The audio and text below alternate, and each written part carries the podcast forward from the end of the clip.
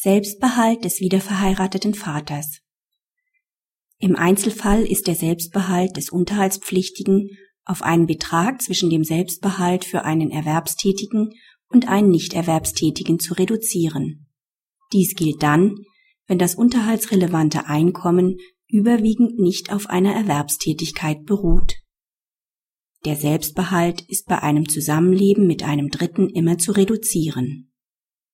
Die Frau verlangt vom Mann in Vertretung für das gemeinsame minderjährige Kind Kindesunterhalt. Sie betreut das Kind. Der Mann ist an Multiple Sklerose erkrankt. Er bezieht eine unbefristete Erwerbsunfähigkeitsrente und hat zudem Einkünfte aus einer Tätigkeit als Lichttechniker. Er ist wieder verheiratet und wohnt mit seiner neuen Ehefrau zusammen. Einen Familienunterhaltsanspruch gegen die Ehefrau hat er nicht. Er beruft sich auf Leistungsunfähigkeit. Das Amtsgericht hat ihn zur Zahlung von Kindesunterhalt verurteilt und hierbei den Selbstbehalt um 25 Prozent gekürzt.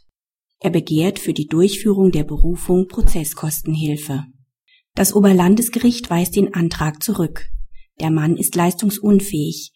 Die Eltern sind verpflichtet, für den eigenen und den Unterhalt eines minderjährigen unverheirateten Kindes alle verfügbaren Mittel gleichmäßig zu verteilen.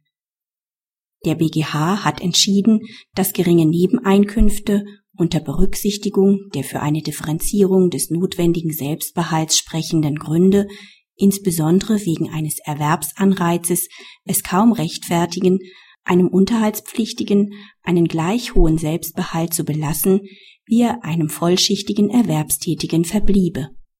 Daher ist der Selbstbehalt des Mannes zwischen dem notwendigen Selbstbehalt für Erwerbstätige und dem für Nichterwerbstätige anzusetzen.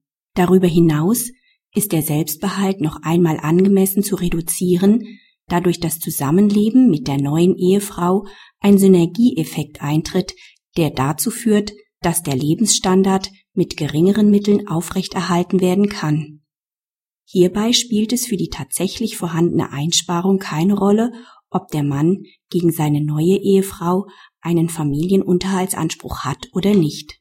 Die Ersparnis für den Mann wird mit 10 Prozent des auf die Lebenshaltung entfallenden Teils des Selbstbehalts geschätzt. Der BGH hat in diesem Zusammenhang auch eine Ersparnis von 25 Prozent nicht beanstandet. Praxishinweis das Oberlandesgericht Karlsruhe hat eine Absenkung des Selbstbehalts aufgrund des Zusammenlebens mit einem neuen Partner noch im Jahre 2005 abgelehnt. Andere Oberlandesgerichte haben bereits länger eine Absenkung des Selbstbehalts befürwortet